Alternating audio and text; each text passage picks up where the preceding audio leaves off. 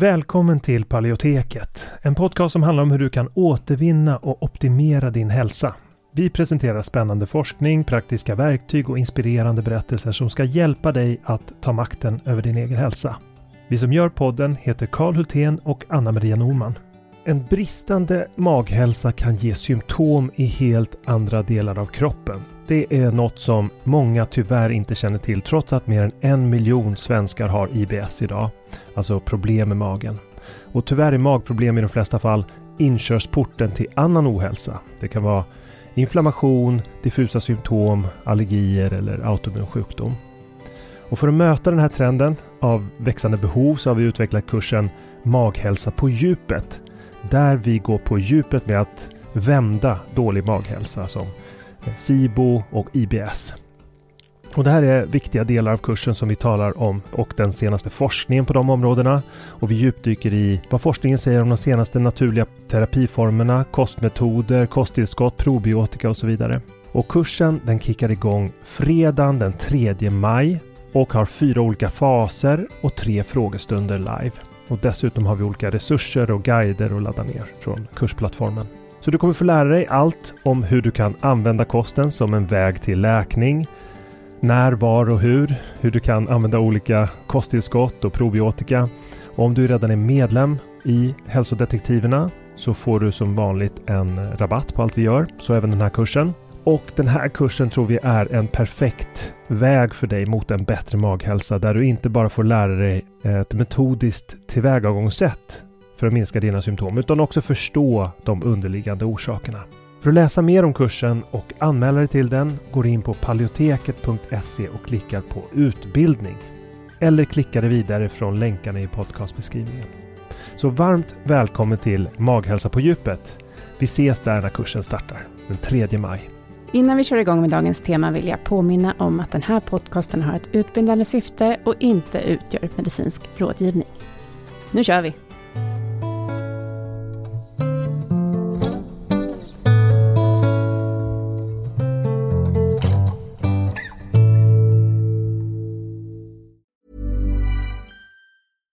Catch yourself eating the same flavorless dinner three days in a row? Dreaming of something better? Well, HelloFresh is your guilt-free dream come true, baby. It's me, Gigi Palmer. Let's wake up those taste buds with hot, juicy pecan-crusted chicken or garlic butter shrimp scampi. Mm. Hello Fresh. Stop dreaming of all the delicious possibilities and dig in at HelloFresh.com. Let's get this dinner party started. A lot can happen in the next three years. Like a chatbot may be your new best friend. But what won't change? Needing health insurance. United Healthcare Tri Term Medical Plans are available for these changing times. Underwritten by Golden Rule Insurance Company, they offer budget friendly, flexible coverage for people who are in between jobs or missed open enrollment. The plans last nearly three years in some states, with access to a nationwide network of doctors and hospitals. So, for whatever tomorrow brings, United Healthcare Tri Term Medical Plans may be for you. Learn more at uh1.com. Many of us have those stubborn pounds that seem impossible to lose, no matter how good we eat or how hard we work out. My solution is PlushCare. PlushCare is a leading telehealth provider with doctors who are there for you day and night to partner with you in your weight loss journey. They can prescribe FDA-approved weight loss medications like Wagovi and Zepbound for those who qualify. Plus, they accept most insurance plans. To get started, visit plushcare.com slash weight loss. That's plushcare.com slash weight loss. I dagens avsnitt så intervjuar jag Cecilia Norlin från Optimal Hälsa Stockholm som är sjuksköterska och näringsterapeut med funktionsmedicinsk inriktning. Vi kommer prata om funktionsmedicinska tester och vad det finns för olika tester, ge en överblick på det här och prata lite om vad de kan tala om för någonting. Men först kommer jag och Kalle prata lite om funktionsmedicin och vad det är för någonting. Men då vill vi veta lite vad funktionsmedicin är. Ja, det är något som jag fått en, en del frågor om och det här är av förklarliga skäl eftersom vi har nämnt ordet några gånger och eh, det här är någonting som är på intåg i Sverige just nu. Eh, någonting som växer och är inom eh, paleoområdet framförallt i USA och eh, då av naturliga skäl också kommer hit. Eh, men vad funktionsmedicin är, alltså det är till att börja med en ganska bred term. Och det finns en mängd olika typer av utövare som kallar sin verksamhet för funktionsmedicin. Eh, det finns eh, konventionella medicinare, det finns eh, näringsterapeuter, kiropraktorer, akupunktörer. En, en mängd olika in, riktningar inom alternativmedicinen helt enkelt. Så om man är lite ny på området och eh, alltså om man har kronisk ohälsa säger vi. Så det är kanske inte den bästa vägen att gå direkt ut i djungeln här och börja leta efter en funktionsmedicinare om man har kroniska hälsobekymmer. Utan det första steget är såklart att tillämpa autoimmun paleo eller paleokosten under ja, minst en månad för att sen liksom göra en bedömning och se, börjar mina symptom röra på sig här? För att otroligt ofta så ligger ju kosten och livsstilen till grund för kroniska hälsobesvär och autoimmun sjukdom. Mm. Så att där börjar man alltid. Eh, sen så kan man gå vidare eh, om man inte når signifikanta resultat. Mm. Så kan man då kan, kanske behöva gå vidare och testa och se finns det några Finns det några funktionella hinder till varför min kropp inte återhämtar sig på autoimmun paleo? Mm. Finns det infektioner? Finns det SIBO? Finns det parasiter? Finns det i vissa sällsynta fall kanske toxicitet eller näringsbrist eller andra hinder. Mm. Och det är det man tittar på inom funktionsmedicinen. Inom skolmedicinen om man ställer det i kontrast till funktionsmedicinen, vilket man kanske borde göra, så tittar man inom skolmedicinen mycket på mönster när det gäller symptom och försöker hitta rätt namn för att sätta på den sjukdomen. Och då knutet till den diagnosen och det namnet så finns det best practices när det gäller läkemedelsbehandlingar i allmänhet när det gäller kroniska tillstånd. Och då behandlar man det symptomet. Den funktionella approachen när det gäller medicin är mycket bredare. Man försöker se mönster när det gäller övergripande begrepp som vi pratar ju om inflammation hela tiden. Mm. Inflammation är ett sånt övergripande begrepp som, som återfinns i en mängd olika specialistinriktningar inom den konventionella vården. Mm. Så det, och, och, inflammation kan ha flera olika orsaker när det gäller kostinfektioner eller, eller eh, toxicitet eller en, en, mängd olika orsaker.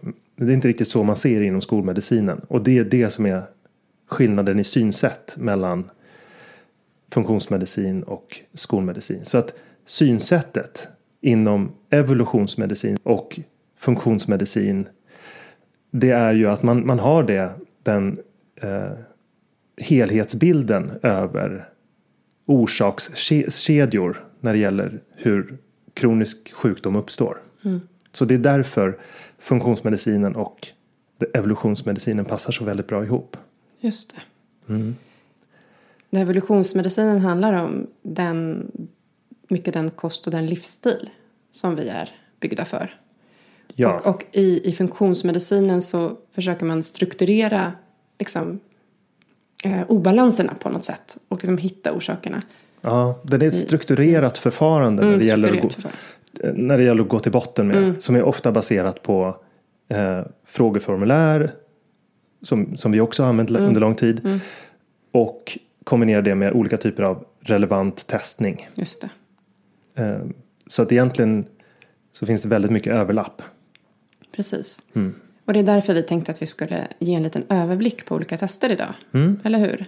Så vi valde att bjuda in Cecilia Norlin på optimalhälsa.com. Väldigt spännande. Ska ja, det, det ska bli jättespännande. Men välkommen hit Cecilia Norlin. Tack. Ja, roligt att du är här. Och du är ju näringsterapeut. Mm. Men du är också sjuksköterska. Kan du berätta lite om den här övergången och din bakgrund lite grann? Um, jag har varit sjuksköterska i 20 år. Och redan under utbildningstiden så kände jag att jag tyckte att det inte riktigt räckte. Jag ville lära mig någonting mer och jag har alltid varit intresserad av komplementär och alternativmedicin. Um, ehm, så att när det gavs möjlighet efter ett antal år så eh, började jag läsa till näringsterapeut. Och då hade jag tänkt länge, länge, länge vad är jag ska läsa. Och i och med att biokemin i kroppen är så otroligt viktigt och näringen kommer in där med vitaminer, mineraler och enzymer och så vidare. Så kände jag att ja, men det är näringsterapeut jag ska läsa till. Mm. Ah, spännande. Um, så jag började arbeta som näringsterapeut Ja. för tio år sedan. Ja. Mm. Och sen så har det ökat eh, Mm. mer och mer. Och nu så arbetar jag på heltid. Mm. Så du började verksamhet. som med, med sjuksköterska? Ja, jag parallellt? jobbade parallellt. Mm. i, i till början. Eh, Men vad gör en näringsterapeut då egentligen? En näringsterapeut lär ju sig hur man arbetar med kosten. Eh, Man tittar också mycket på hur man kan jobba med vitaminer och mineraler. Och sen ingår det lite analyser som man lär sig under utbildningen. Då. Men det är mest fokuserat på kost och näring. Så lite sådär att det kan liksom gå lite parallellt med kostrådgivare och dietister och så. Precis, precis. så kan man tänka. Men sen så är ju du eh, liksom näringsterapeut med funktionsmedicinsk inriktning. Och vad innebär det? Vad adderar vi då till detta? till detta? Ja, Eh, det innebär att då jobbar jag efter den funktionsmedicinska modellen och det finns ju en matrix som man pratar om där. Så att vad man utgår ifrån det är ju att försöka hitta orsaken till problemen. Och då tittar man också utifrån biokemi och man eh, samråder mycket med, med eh, kunden som kommer då, så att man arbetar tillsammans. Man tittar också på eh, en helhetsbild så man tar hänsyn till allt från näring, motion, kost, sömn, stress och så vidare. Eh, Så att man tittar på många olika saker. Eh, Så man väver in det. Och man tittar också på om det kan ha varit tidigare händelser som kan ha triggat igång någonting. Som man nu tycker att man har besvär med. Så man försöker få en helhetsbild. Och det som är viktigast av allt är att man också jobbar my- mycket flera analyser än vad man gör som näringsterapeut. Just det. Så att du kände att, eh, att du fick större möjligheter när du tog den- Precis, Ja. precis. Och i och med att jag också är sjuksköterska så är man ju van vid att man gör analyser på patienterna som kommer i sjukvården. Så för mig var det väldigt viktigt att också kunna addera analyser. Det var det jag tyckte att jag behövde mera för att kunna göra ett bättre jobb. Mm, just det. Och nu nämnde du sjukvården då, för du har ju erfarenhet därifrån också. Den reguljära sjukvården, man ska säga. För det här ligger ju utanför den reguljära sjukvården. Ehm, hur ser du på din roll, roll i, i relation till den reguljära sjukvården? Eh, jag ser mig som ett komplement. Eh, tidigt så har jag intresserat mig för det som heter integrativ medicin. Eh, och det är ju egentligen att man försöker att samverka så man plockar de bästa bitarna från skolmedicinska sjukvården och från komplementärmedicinen. Och då ser jag det som jag gör idag som en sån blandning. Ehm, och jag tycker det är toppen. Och sen så är det också väldigt skönt att ha den bakgrunden jag har med mig. Därför då vet jag att kommer någon med vissa typer av problem så händer det att jag hänvisar dem till sjukvården först. Mm. Så att jag ser Ja. mig som ett komplement till det som man gör i sjukvården. För det känns ju liksom viktigt också att vi har ju en skattefinansierad sjukvård. Där. Vi måste använda den. Precis. Eh, och och eh, det är det också med de här testerna, att det känns viktigt att vi pratar om vad de innebär. För att man ska inte bara ta en massa tester. Alltså det är dyrt också. Det är det är ju. Mm. liksom privatpersonerna som betalar det. Så, så här, då ska man ta det som är det verkligen som man behöver ta. Liksom. Mm. Ja, och sen får man ju inte glömma bort att läkarna har en lång och gedigen utbildning. Sen Mm. kan de inte allt. Det är precis som att vi som jobbar med näring, vi kan inte allt heller. Nej. Så att jag ser ju att vi kan komplettera varandra. Sjukvården kan ju också göra helt andra typer av analyser. Exempelvis röntgen, undersökningar av olika slag. De kan ju göra koloskopi, gastroskopi och så vidare. Så att eh, sjukvården kan göra helt andra saker än det som vi kan göra. Och därför så kan man komplettera varandra. Går det att samverka på något sätt också med sjukvården? Det finns ju läkare som är intresserade och som är nyfikna på det här. Men det är ju fortfarande inte riktigt okej. så att, eh, tyvärr, inte riktigt än. Inte samverka på det sättet? Utan Inte samarbete så som Nej. man skulle hoppas. nej, i team. Men vi liksom. kanske, vi kanske kommer dit. Ja, Mm. Patienterna och kunderna efterfrågar. Ja, just det. Men, men nu ska vi liksom försöka skapa en liten överblick på de här olika testerna som man kan ta. Och, alltså, jag vet inte om du håller med, men så som, som vi resonerat är lite sådär att alltså, det första man behöver göra egentligen om man har något hälsobesvär det är ju att äta hälsosamt. Eh, Absolut. ja, det är liksom första steget och, och de sakerna som du nämnde också kring funktionsmedicinen som är liksom sömn och stress och rörelse och maten. Liksom. Och sen när man inte har man lagt grunden så då kanske det är dags för testerna. Eller hur tänker du? Jo, men så kan man tänka. Jag tycker Mm. att det är väldigt vettigt. Mm. Jag tycker ju alltid att man ska börja med livsstilsförändringar och kostförändringarna Mm. först och se hur långt man kommer med dem. Tycker man inte att det räcker, ja, men då ska man ju också självklart om det är mer akut söka sjukvården först för att se, kan det vara någonting annat som man inte tänker på. Eh, De flesta som kommer till mig, de har redan varit i sjukvården och tycker kanske att de har fått hjälp till viss del och en del känner sig missnöjda och tycker inte att de har fått hjälp hela vägen. Så många har redan påbörjat den här resan med att börja förändra livsstilen med att tänka hur de motionerar och lite grann vad de äter. Sen kanske det inte är fullt ut. Nej. Och då kan det vara relevant att lägga till en test. Ibland kan det också vara relevant att man tittar på hur kan vi förändra kosten. Och då måste man ju alltid börja där kunden är. Ibland går det inte att göra för drastiska förändringar på en gång. För en del kan komma och vilja ha hjälp bara med det. Så det händer ju att man har kunder som inte gör några analyser utan vet att det finns att göra längre fram om det vi börjar med inte räcker. Precis, för att om man, om man med hjälp av kosten mår mycket bättre. Så Precis. kanske inte man måste göra de där testerna. Nej. Utan det är lite när, om den omläggningen inte hjälper, så att säga. Ja. Inte. Och sen är det ju så att det finns ju många olika analyser att göra. Och ibland när man när jag berättar om de olika analyserna som finns att göra så är det många som vill göra flera. Det är ju en kostnadsfråga självklart. Men i första hand så är det ju det att börjar man att göra ett test och jobba efter det resultatet så kan man många gånger få så pass stora förändringar så att det kanske inte är relevant med att göra den där andra testen som man Nej, tänkte just från början. Eller så är det någonting kvar som man kanske inte har tänkt på eller som blir tydligare som gör att det är ett helt annat test som kanske är relevant att lägga till längre fram. Ja, intressant. Ehm, sa vi det där varför man kan behöva ta funktionsmedicinska tester? Det, den frågan. Ehm, vi besvarat? nej, vi har inte pratat riktigt om det. Det kan ju bero på många olika saker. Ehm, man kan ju, det händer ju Folk söker ju för många olika problem. Det kan vara allt från att de har svårt att sova till att de har ehm, allergier och överkänsligheter, att de kanske inte tål dofter eller någonting annat. Eh, en del har hormoniella problem, en del har problem med sin köldkörtel. Mag-tarmproblem jättevanligt. Så det kan vara många olika saker och då gäller det att börja bena i det här. Vad kan vara relevant att mäta om man då har gjort vissa grundläggande förändringar och inte fått hjälp. Ehm, och många gånger så, som jag sa tidigare, så har de ju varit i sjukvården och kanske fått läkemedel eh, som hjälper till en viss del.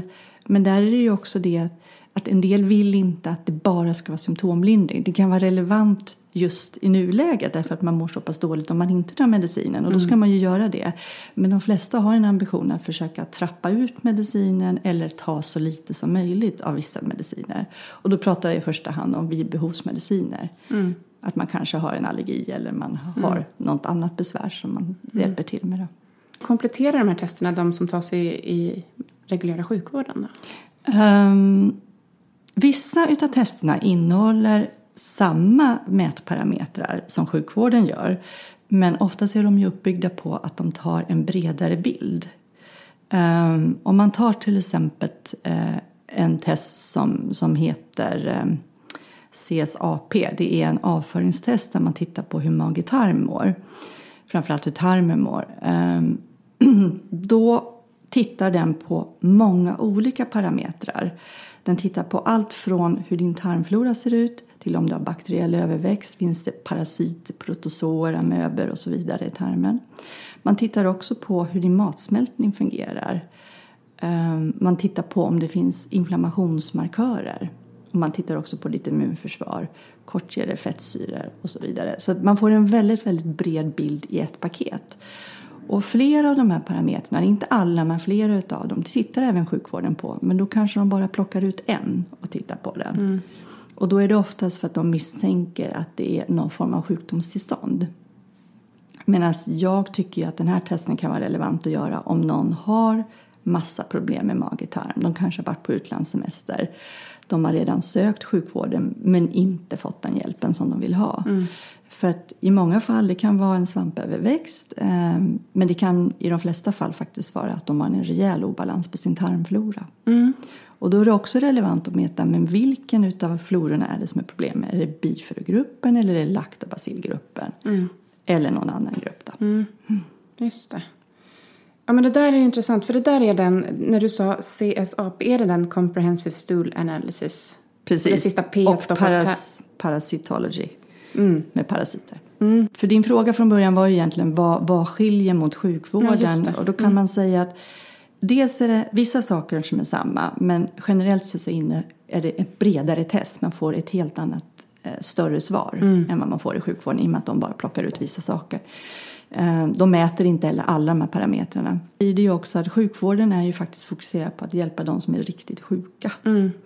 Så att, sen har vi ju de som inte mår bra men som fortfarande inte är friska. Och det är ju den gruppen jag tycker är intressant att hjälpa. Så man kan förebygga att de Som man kan riktigt sjuka. förebygga eller hjälpa till så att de inte behöver bli jättesjuka. Sjukvården gör vissa saker eh, men de tittar inte på allt. Och då kan, har man då gjort en analys eller flera i sjukvården och inte hittat någon idé, då kan man börja tänka ska vi ta på ett annat sätt.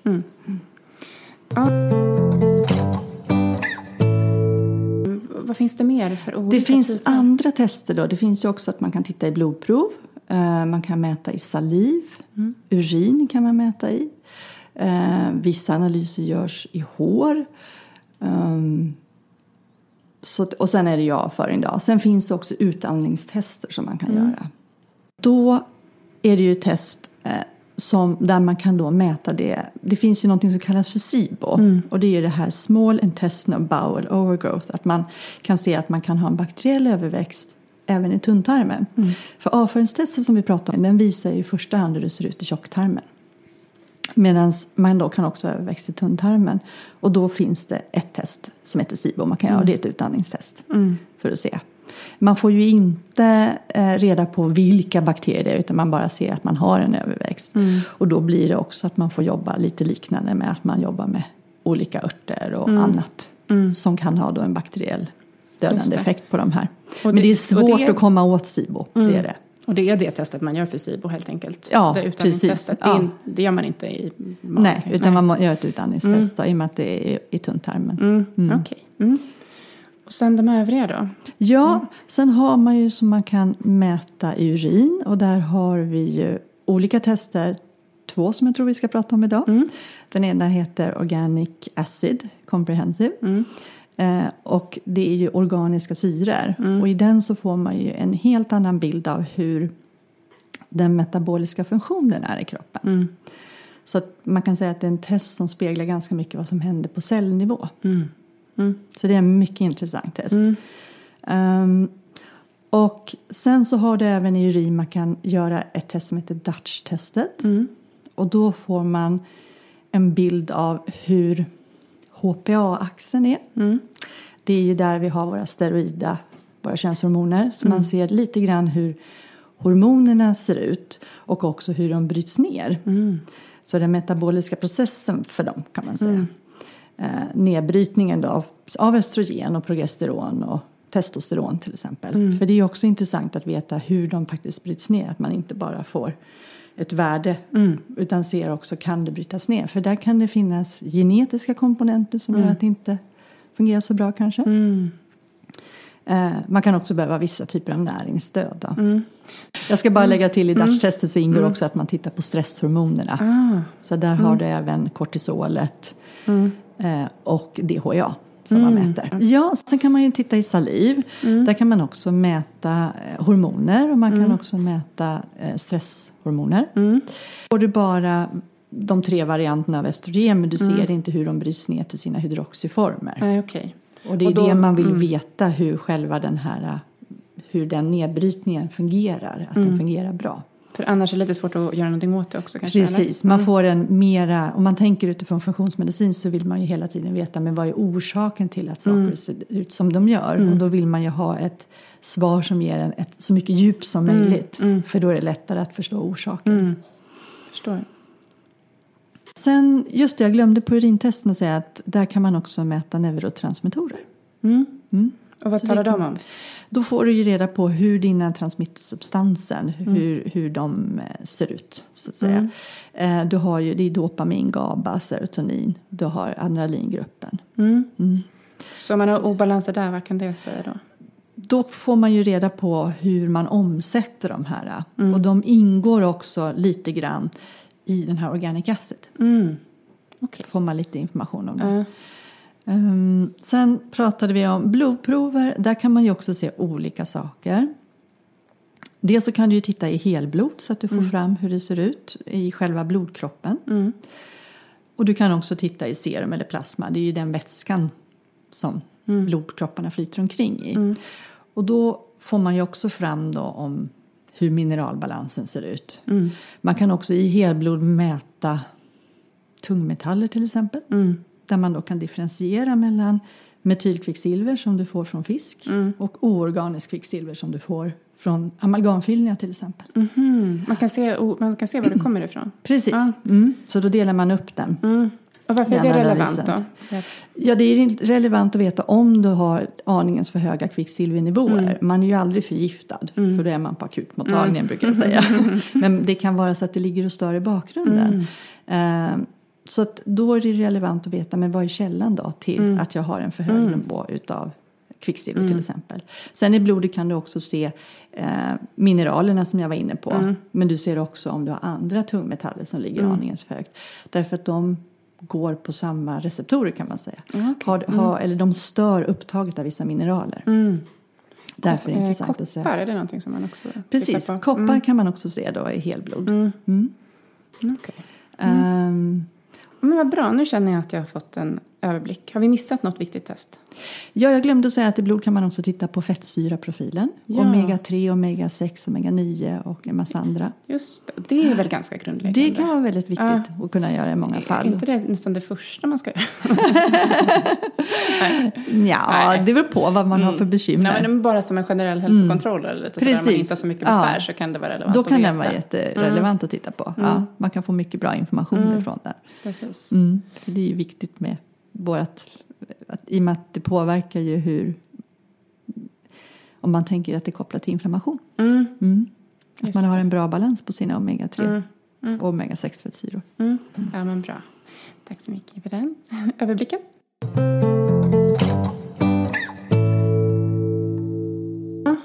Men, men då skulle jag tycka det var roligt och, eller intressant att gå in lite på den här comprehensive stool analysis. Ja. Par- Parasitology tror jag. parasitology. Ja. Ja. Ehm, Parasiter är det i alla Mm, fall. för, det, ja, det, för det är det man, man eh, kan hitta där, bland annat. Ja. mm. Ehm, så i vilka fall kan det vara aktuellt att göra just det testet? Vad är, vilka Ehm, symptom liksom? Det kan ju vara att man har jättemycket besvär med magen. Att man kanske är väldigt förstoppad eller att man är väldigt gasig uppblåst. Det kan också vara att man har problem med diarréer. Ehm, det kan vara också om man har problem med eh, till exempel reumatisk värk. ehm, andra autoimmuna sjukdomar kan det också vara relevant. Och det är ju för att vi vet att våran tarmflora påverkar immunförsvaret. Så där kan man då utifrån det perspektivet ibland tycka att en avföringsanalys kan vara intressant för att se är det någonting här som gör att man får problem med exempelvis autoimmuna sjukdomar. Sen är det bara en pusselbit i alltihopa. Det är ju inte hela svaret men det är en pusselbit. Just det. Så, så vad, vad är det då man kan eh, hitta liksom? Dels så kan man titta på om man har en obalans på tarmfloran. Mm. Ehm, och då kan man se mer exakt vilken typ utav floran som är avvikande. Och det kan ju då påverka hur man väljer att ge kosttillskott till exempel. Man kan också se hur, eh, om det finns problem med svampöverväxt och också olika typer av bakterier. Det kan också vara att man har problem med andra som parasiter, amöber och protozoer som jag sa. Eh, Den här testen har också en mätning där man tittar på vilka naturliga extrakt som då kan ha effekt. Det är som att göra en odling eh, som kan ha effekt på just de här bakterierna till exempel som om det är en överväxt där. Eh, men den gör också en benämning av vilka läkemedel som har effekt. På just den här. Läkemedel då, inte... Alltså då pratar vi om vilka Ja. parasiter som... Eller vad sa du? Det kan vara, det är framförallt för bakterierna Bakterier. och svampen mm. som den tittar på. Så den ger både förslag på naturliga extrakt som kan ha effekt och det är den delen som jag arbetar med. Och sen har man den andra delen som visar då vilka läkemedel som skulle kunna funka av till exempel antibiotika eller Ja. Så, så hur skulle du säga då, om man, jag är lite intresserad kring det där med tarmfloran då, vad Mm. den kan säga kring det. Ja. Om man då säger att man har en obalans, Ja, som då jag antar att ganska många har, väldigt många som har. kommer och har hälsobesvär. väldigt många har obalans. Ja. Ehm, vad kan man göra? För du nämnde kosttillskott, men jag tänker att det också kan ha att göra med kosten. Precis. Mm. Så, så vad, vad blir nästa steg då utifrån den där analysen? Ja, dels så blir det att man får titta över hur man ska justera kosten. Eh, och då någonting som är viktigt det är ju att inte bara ge probiotikan. Utan det är ju också att man ger den i rätt balans. För det man får fram här det är ju hur stor mängd man har av till exempel hela laktobacillgruppen eller bifidogruppen. Man får inte enskilda bakterier då. Man får också E. coli och enterokocker. De, den bra varianten. Vi har både bra och dåliga. Eh, men sen måste man ju också se till att äta rätt kost. Och där pratar jag mycket om att man får i sig de här prebiotiska fibrerna. För de är ju mat till de här bra bakterierna. Ja. Som i sin tur producerar kortkedjade fettsyror. Som är väldigt viktiga för tarmhälsan. Som, som då finns mycket i grönsaker. Precis, och i rotfrukter, kan det rotfrukter. finnas också. Ja, vitlök och vanlig lök kan det vara. Just det. Ja, och du har ju också, det finns lite grann i, i havregryn till exempel. Ehm, och du har också kronärtskocka, jorderskocka och så vidare. Mm. Så det gäller ju att få i sig en del av dem. Ehm, det behöver inte vara några jättestora mängder men de blir mat till de här bakterierna i tjocktarmen som är väldigt viktigt så att de också sen kan bli fler. Så att man kanske inte behöver ta kosttillskottet hur länge som helst utan mer under en begränsad period. För att hjälpa till då att populera eller ja, öka populationen i tarmen. Mm. Precis. För att nu, vi pratade igenom lite där med tarmfloran, men sen nämnde du också svamp, bakterier och parasiter. Ehm, hur, hur kan vi, om vi pratar lite om svamp, Ja. hur går man vidare där om man upptäcker att man har någon svamp? Om man har svamp då får man ju ett förslag på vilka naturliga extrakt till exempel som kan hjälpa då för att ta bort den här För svampen. man måste ta bort svampen, eller? Kan man leva med den? Man kan leva med den, det beror på vad man har för besvär. Och eh, då är testet uppdelat så att, att eh, det finns tre kategorier kan man säga. Den ena visar bara hur det ser ut och då är det oftast inget problem. Sen har man en mittemellan gul zon som indikerar att det finns ett problem men det kanske inte ställer till så mycket besvär. Och sen har man en, en zon som, där det hamnar på rött där man då ser att här kan det eventuellt orsaka besvär. Där man då kan fundera på om man vill gå in och jobba med behandling. Och många gånger när det gäller naturliga extrakt så är det en kombination av örter och det kan vara vitlök och det kan vara berberin och ja, grapefruktkärnextrakt. Så det finns massor med olika men då får man ju en mätning när man ser vilket funkar i det här fallet. Och det tycker jag är toppen. Man kan rikta behandlingen på ett annat sätt. Tycker du att det brukar funka? Med de Det funkar oftast bra men det är inte alltid jättelätt. Det är det inte. Utan man kan behöva hålla på längre, man kan behöva gå upp i dos. Och sen är det ju en kombination av, av eh, kostomläggningen överlag. Eh, Men det är inte alltid jättelätt. Det är det inte. Jag vet några som har fått gått vidare till doktorn. Mm, och ta läkemedel då? Kan man göra det Precis, också? som man tagit. Speciellt när jag har pratat om parasiter och så. Så är det en del som har fått gått vidare då. Och visat upp. Um, oftast vill ju doktorn mäta på sitt sätt. Och det får de ju gärna göra. Men då ser de i alla fall att man har mätt. Ehm, för det, det, är, det, är, det är inte alltid jättelätt. Nej, Nej. det ska man säga. Ingenting är lätt. Nej, men sen bakterier då, om vi går vidare Ja. Mm. till dem. Ehm, de, då, då pratar du inte om tarmfloran och de bakterierna? Nej, utan då pratar man om, om eh, bakterier som inte ska vara där. Vi har ju både bra och dåliga bakterier. Och pratar vi tarmfloran eh, så, så är det ju, inkluderar ju det allt. Men så har vi ju de probiotiska bakteriegrupperna som vi vill ha mycket utav. Som skyddar oss. Men sen har man ju också dåliga bakterier. Men det behövs ju en mix av alltihopa så att vi ska få en bra matsmältning. Men man vill ju inte att de ska växa till så det blir för mycket. Nej, För då kan det orsaka problem. just det. Ja. Och de bakterierna, om man har några dåliga bakterier, Ja. hur brukar du hantera det då? Då är det precis på samma sätt som med svampen. Att man får en sån här mätning i resultatet. Vilka bakterier det är och vilka naturliga extrakt som skulle kunna fungera på det här. Och också eh, läkemedel. Vi pratar till exempel antibiotika i vissa fall då, som skulle kunna fungera.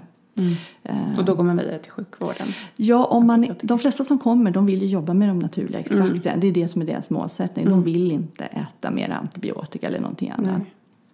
Och jag kan inte jobba med den delen heller. Nej. Utan de vill ju börja med den naturliga extrakten. Och sen så vet vi att om det inte räcker, om de bekymmer de söker för är kvar, ja då kan man tänka att man får gå vidare till sjukvården och prata med dem. Då. Just det.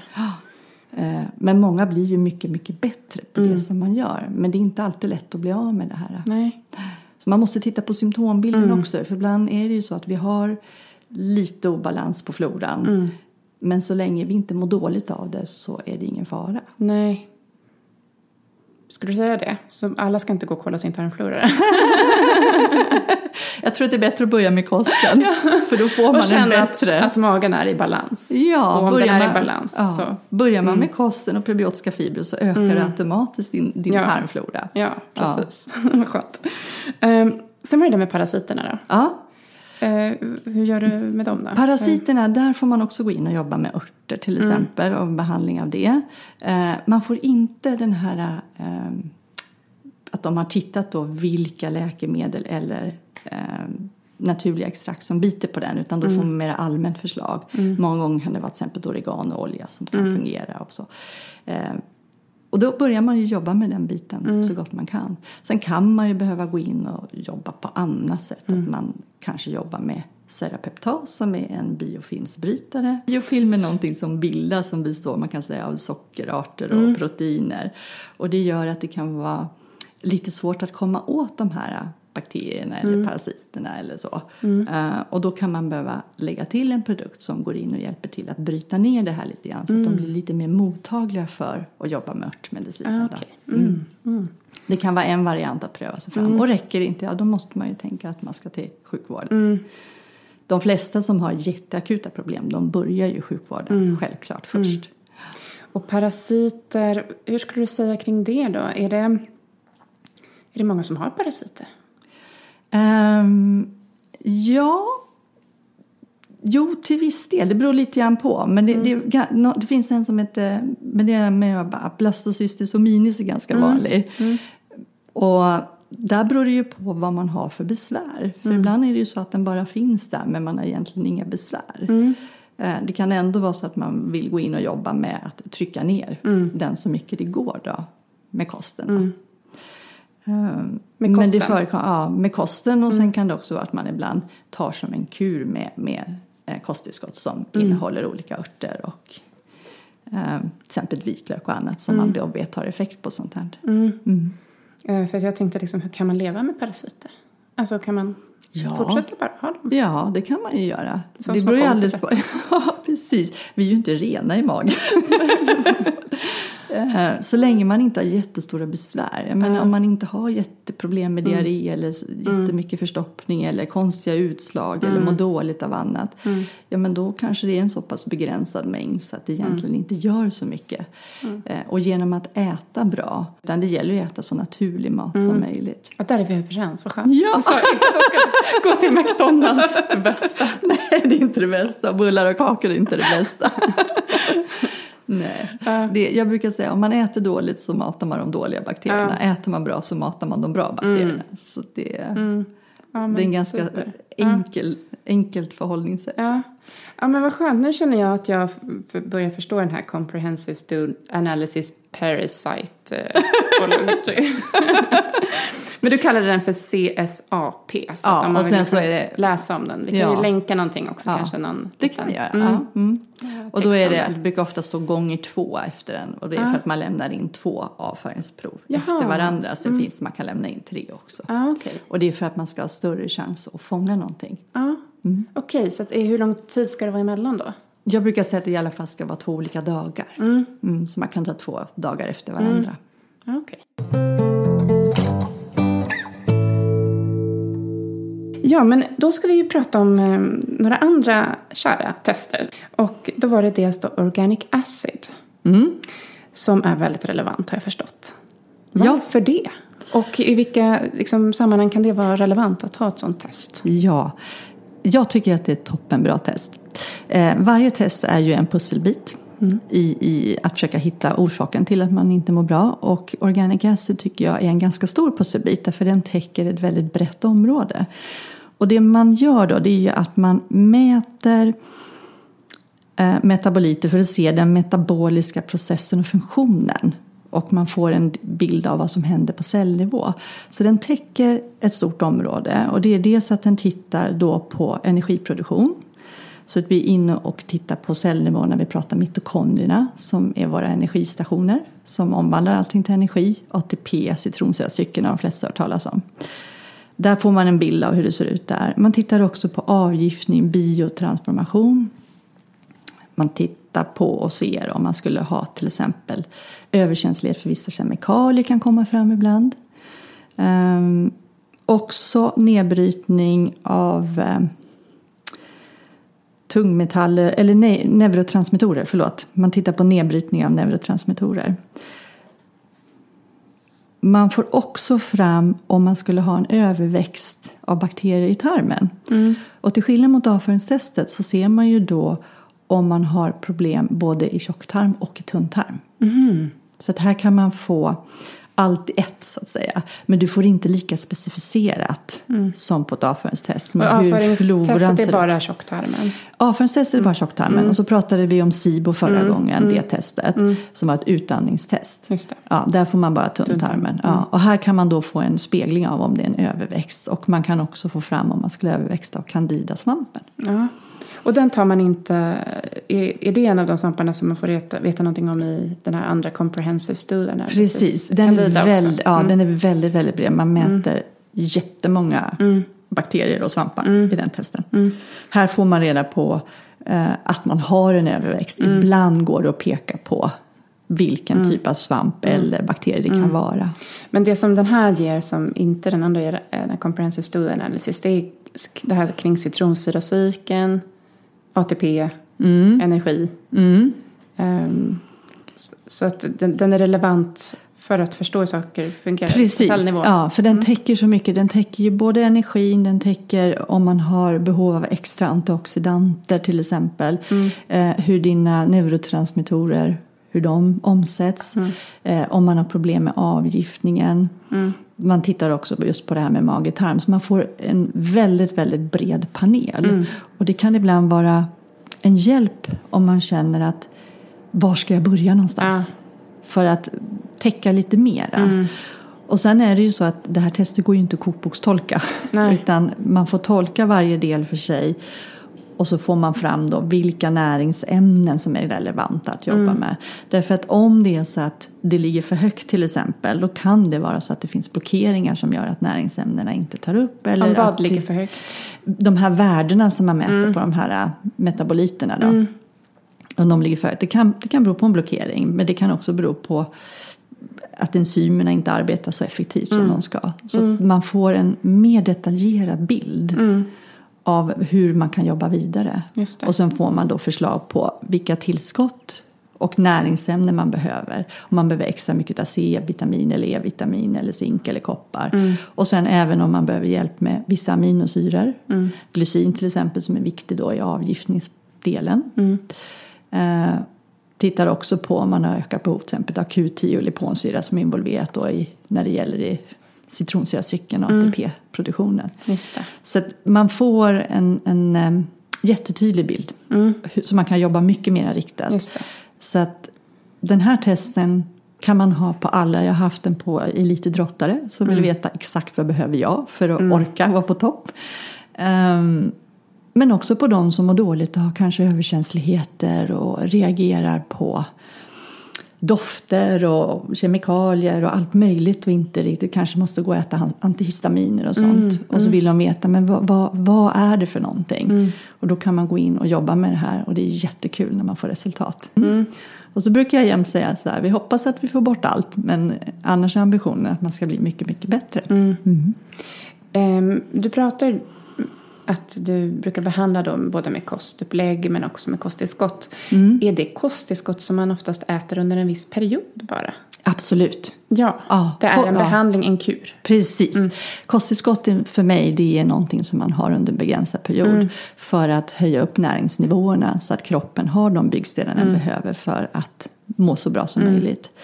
Uh, och kunna jobba så effektivt som möjligt. Mm. Det är ju kosten som är huvud det är det som är det viktigaste, att man ser till att man har en livsstil där kosten är grundpelaren. Jag tänker om man har hittat lite obalanser här i citronsyracykeln, Mm. saker som behövs där. Går det att på något sätt komma, eh, råda bot på sådana eh, problem bara med kosten? Ja, eh, för där måste man fundera på vad beror orsaken på. Eh, vi kan ta ett exempel. Det, det finns... ehm, om man tittar till exempel på fettsyraomsättningen så kan det vara så att man har avvikelse som visar att man behöver mera karnitin. Karnitin är ju en aminosyra för att kunna få in den här fettsyran i cellen. Och då är det så att det är långkedjade mättade fettsyror av långkedjarform som till exempel mjölkprodukter. Den typen av fett är det. Eh, Men även som finns i animaliska proteiner. Eh, Men då behöver man ju karnitin som bärare för att få in den. Medan om du då till exempel äter kokosfett som är en mättad fettsyra men av mellanlång kedjad form. Där behöver man inte en bärare av en aminosyra för att få in. Och då om jag får ett sånt svar på testet då måste jag ju ta reda på Beror det här på att kunden inte äter tillräckligt med eh, aminosyror eller inte tar upp aminosyrorna eller att de äter kanske jättestora mängder med mjölkfett. Så det blir att man får grotta lite grann för att få fram vad kan det bero på att svaret ser ut just sådär. Och då behöver du ta reda på vad de äter idag. Ja, Eh, ja, och det kan också vara så att de kanske har lite för låga nivåer på saltsyra. Så att de kanske inte bryter ner och tar upp de här äh, aminosyrorna på rätt sätt. Just det. Ja, så det är ett detektivarbete helt enkelt. Det är det. Och sen är det en bred pusselbit brukar jag säga. Man kan få fram väldigt, väldigt mycket. Men det är ett komplicerat test att förstå. Just det. Mm. Men jätte, jättespännande. Många har ju det här med utmattning och eh, depressioner och sånt där. Är det också relevant för, för dem? Eh, utmattning, ja. Där tycker jag att det är ett relevant test. Eh, man kan ju också mäta aminosyror mera specifikt urin om man vill också. Men jag tycker att den, den, det gör jag ibland för jag tycker den här ger en bredare pusselbit. Eh, men absolut, det kan vara för de som har det. Eh, vad sa du? Du pratade om hormoner sen. Nej, jag, jag sa eh, utmattning och depression. Depression. Ja, man kan titta på depression också i och med att man får ju också en indikation på hur omsättningen av neurotransmittorer ser ut på den här testen. Så då får man ju fram om det är så att man har en extremt hög omsättning av dopamin eller serotonin eller GABA till exempel. Det. Och där, så där kan man få en, en indikation på hur det ser ut. Finns det några specifika? För vi mm, riktar oss ju delvis till personer med autoimmuna sjukdomar. Och det är ju så ett brett spektrum av olika typer av sjukdomar. Ja. Ehm, men, men finns det vissa specifika som har mera användning av just eh, det här testet? Eh, av den gruppen? Ehm, nej, jag skulle nog säga överlag att det kan vara bra vid autoimmuna sjukdomar. Eh, en grupp där man framförallt utomlands jobbar mycket med det här och göra organic acid-tester det är ju till exempel på de som har ADHD eller autismspektragruppen för att se eh, om det är så att de har problem biokemiskt på vissa av de här, utav de här vägarna. Då. Och ibland kan det ju också bero på genetiska avvikelser. Men det behöver inte betyda att man har en genetisk sjukdom, det är bara att genetiken har slagit på så att Den man gör- inte jobbar så effektivt. Den gör dig mer sårbar, Ja. så att säga, genetiken. Ja. Ehm, men vi kan alltid påverka Ja. genetik. Eller kanske inte alltid, men nästan. Nej. Ehm, ja, men, men gör man några liknande tester inom den reguljära sjukvården? Så liksom, Ehm, hur kompletterar det här då? Ja, jag tror, det är inte som jag har hittat. Däremot så vet jag ju att det här testet en gång i tiden, säkert för 20-25 år sedan, utvecklades för att skräddarsy näringsbehovet för neonatalbarn. Barn som är födda alldeles för tidigt. Men det används ju inte längre idag på det sättet. Och det kan ju bero på att man idag vet att om barnen är födda en viss vecka så ska de ha den här näringsnivån. Men annars var det ett sätt att kunna skräddarsy specifikt vad varje litet spädbarn behövde då. Eh, och idag används det utav vi som jobbar med functional medicine för att få en bredare bild. Eh, jag använder den också som en hälsokontroll kan man säga. För de som verkligen vill veta, men vad är det jag behöver? Jag tycker att den här testen är bättre än att mäta till exempel i blod. Därför att den här testen med organic acid visar ju faktiskt hur du tar upp näringen på cellnivå. Så att det visar ju hur du använder de näringsämnen som du får i dig på ett helt annat sätt. Alltså flyter någonting omkring i blodet det är ingenting som säger hur effektivt du tar upp det. Nej, nej. För det här är ett urintest. Det här är ett urintest. Ja. Organic acid mm. är ett urintest. Mm. Mm. Just det. Tänk att jag kan säga så mycket. Ja, det är fantastiskt. Ja. Det är helt fantastiskt vad mycket man kan mäta urin. Tror att vi har kommit in på det där med lite kring hur man behandlar då utifrån de här resultaten. Eller har du något mer att säga kring, Nej, kring det? kosten är mm. alltid A och det är mm. där man börjar med. Och sen mm. får man då eh, titta på vilka av kosttillskotten man ska lägga till. Mm. Då, och då får man ju specifikt eh, vilka man ska använda. Mm. Alltså det är inte så att man får att du ska använda ett multitillskott utan Nej. man får en idé om vilka nivåer man mm. behöver och det är det som är intressant. Mm. Att se om man behöver extremt mycket E-vitamin eller mm. om det är något annat. Handlar det ofta mycket om vitaminer? Så. Vitaminer, mineraler mm. och aminosyror. Mm. Så det kan vara mycket aminosyror också. Mm. Det beror alldeles på vad problemet är. Mm. Och det är det som är så roligt med att mäta. För att du kan ha en idé från början vad du tror att du ska få på svaret. Och sen mm. kanske du får ett svar som ser helt annorlunda mm. ut.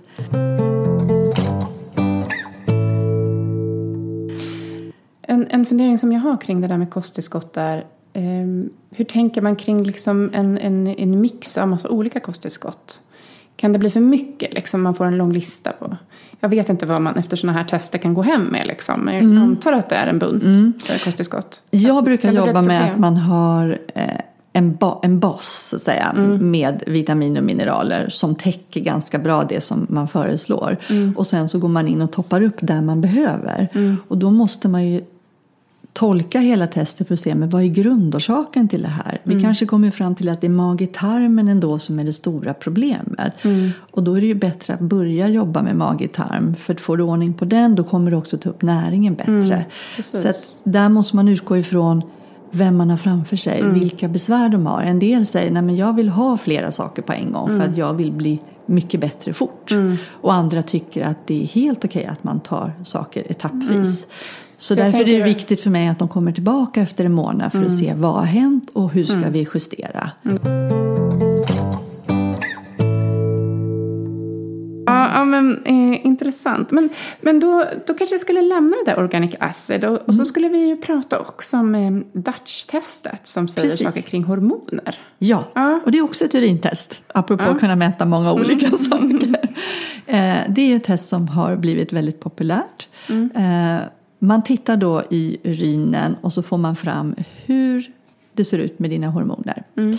Alltså progesteronet, eh, man tittar på testosteron och hur det bryts ner då. Och man tittar också på dina tre olika östrogen och mm. hur de bryts ner till de här hydroxygrupperna. Mm. Nu är vi inne på biokemien. Mm. Men det är ju för att kunna se hur eh, eh hur de används så att säga, av din kropp. Mm. Så du får en bättre tydlighet. Och man ser också vilken balans de har emellan. Det här kan ju vara intressant till exempel om någon har problem med fertilitet. Mm.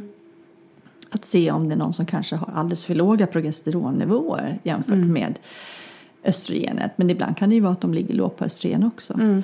Och sen handlar det om hur det bryts ner hela vägen för att sen avgiftas i fas 2-metyleringen i levern. Mm. Så att man vill veta hela vägen hur det fungerar. Mm. Så, så det, är det främst um, de som har problem med fertilitet? Kan det också ha att göra med, jag tänker, förklimakterie eller klimakteriebesvär? Eller, ja, är det? klimakteriebesvär, mm. eh, besvärlig menstruationer. Mm. De, alla de som har de typerna av problem. Mm. Och sen är det ju att du också får med kortisol mm. som är ett stresshormon och du får också med DHA. Och då mm. kan man också se hur stresshanteringen fungerar så att säga, med produktionen av DHA och kortisolet. Mm. Eh, och här kan ju obalanser också bero på till exempel inflammation. Mm.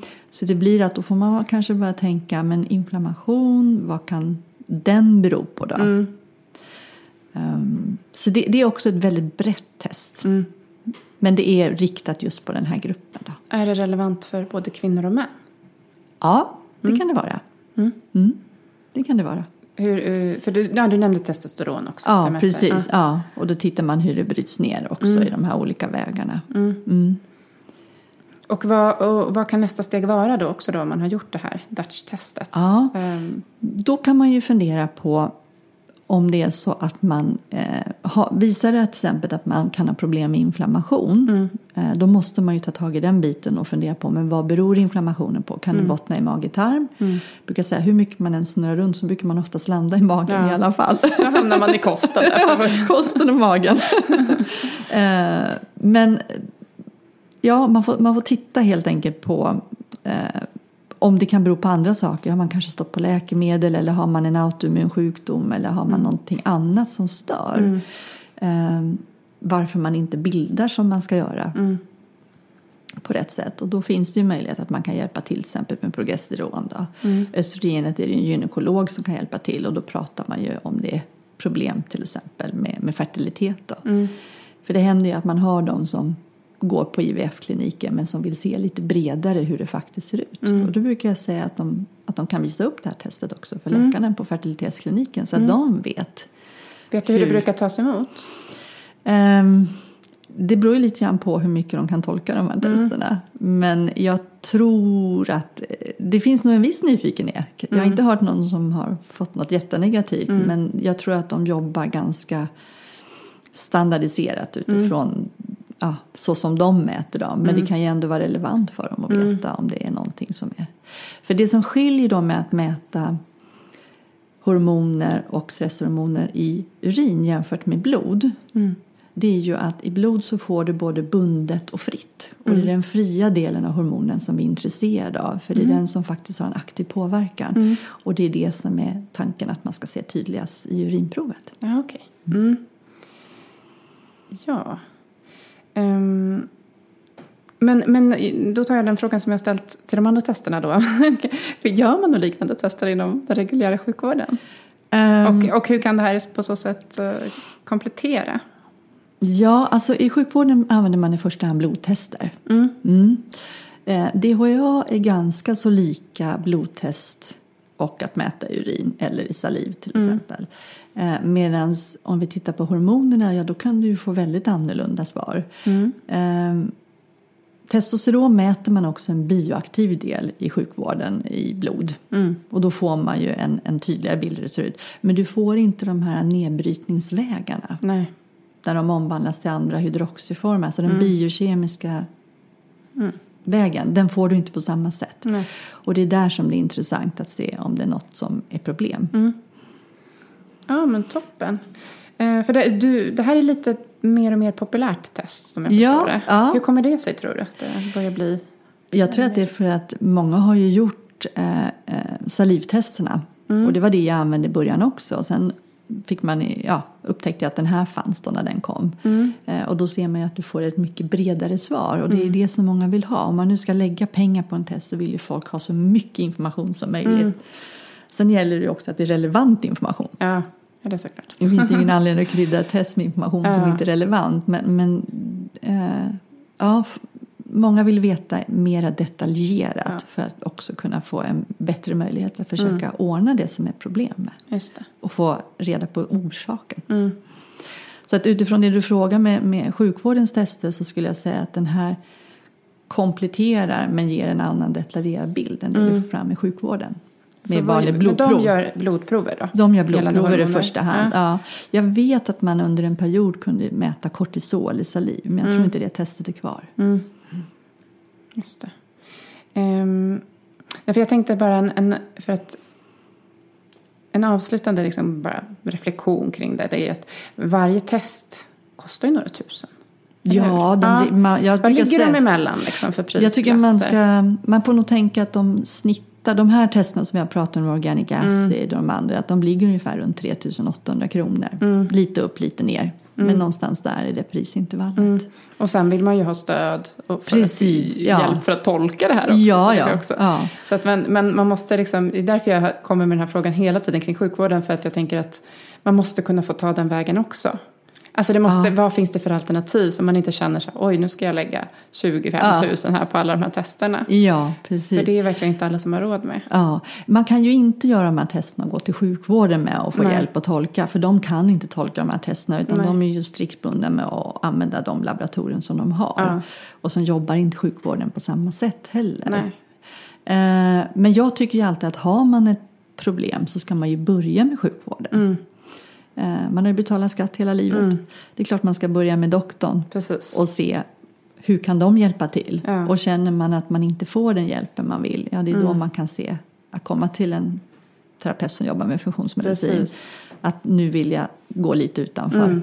Och Jag se, börja med se sjukvården. saker på ett annat sätt. Lägga om kosten så Ja. att man gör allt man kan där. Precis. Och sen ser man att man inte kommer vidare. ja. Som vi började, vi inledde med också. Men det var Ja. att avsluta med. Ja. Och sen om, när man känner att man inte, om man känner att man inte kommer vidare Ja. Mm. med kostomläggning. Som ändå ganska många gör. Alltså man kommer ganska långt med kostomläggning. Precis. Så om man inte gör det, då behöver man ta, då kan man behöva ta sådana tester. Ja, då Ja, kan det och gå vara värt att komplettera med. Ja. Mm. precis.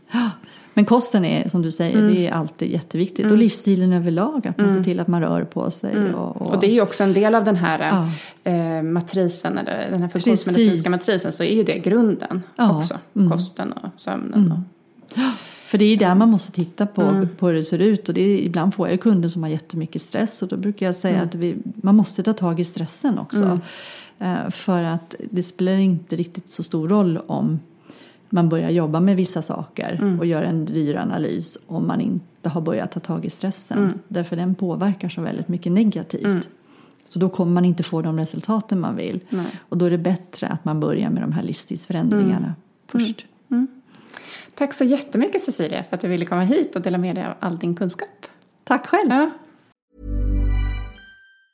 Mom deserves the best, and there's no better place to shop for Mother's Day than Whole Foods Market. They're your destination for unbeatable savings, from premium gifts to show-stopping flowers and irresistible desserts. Start by saving 33% with Prime on all body care and candles. Then get a 15-stem bunch of tulips for just $9.99 each with Prime. Round out Mom's menu with festive rosé, irresistible berry chantilly cake, and more special treats. Come celebrate Mother's Day at Whole Foods Market. Mom deserves the best, and there's no better place to shop for Mother's Day than Whole Foods Market. They're your destination for unbeatable savings, from premium gifts to show-stopping flowers and irresistible desserts. Start by saving 33% with Prime on all body care and candles. Then get a 15-stem bunch of tulips for just $9.99 each with Prime. Round out Mom's menu with festive rosé, irresistible berry chantilly cake, and more special treats. Come celebrate Mother's Day at Whole Foods Market.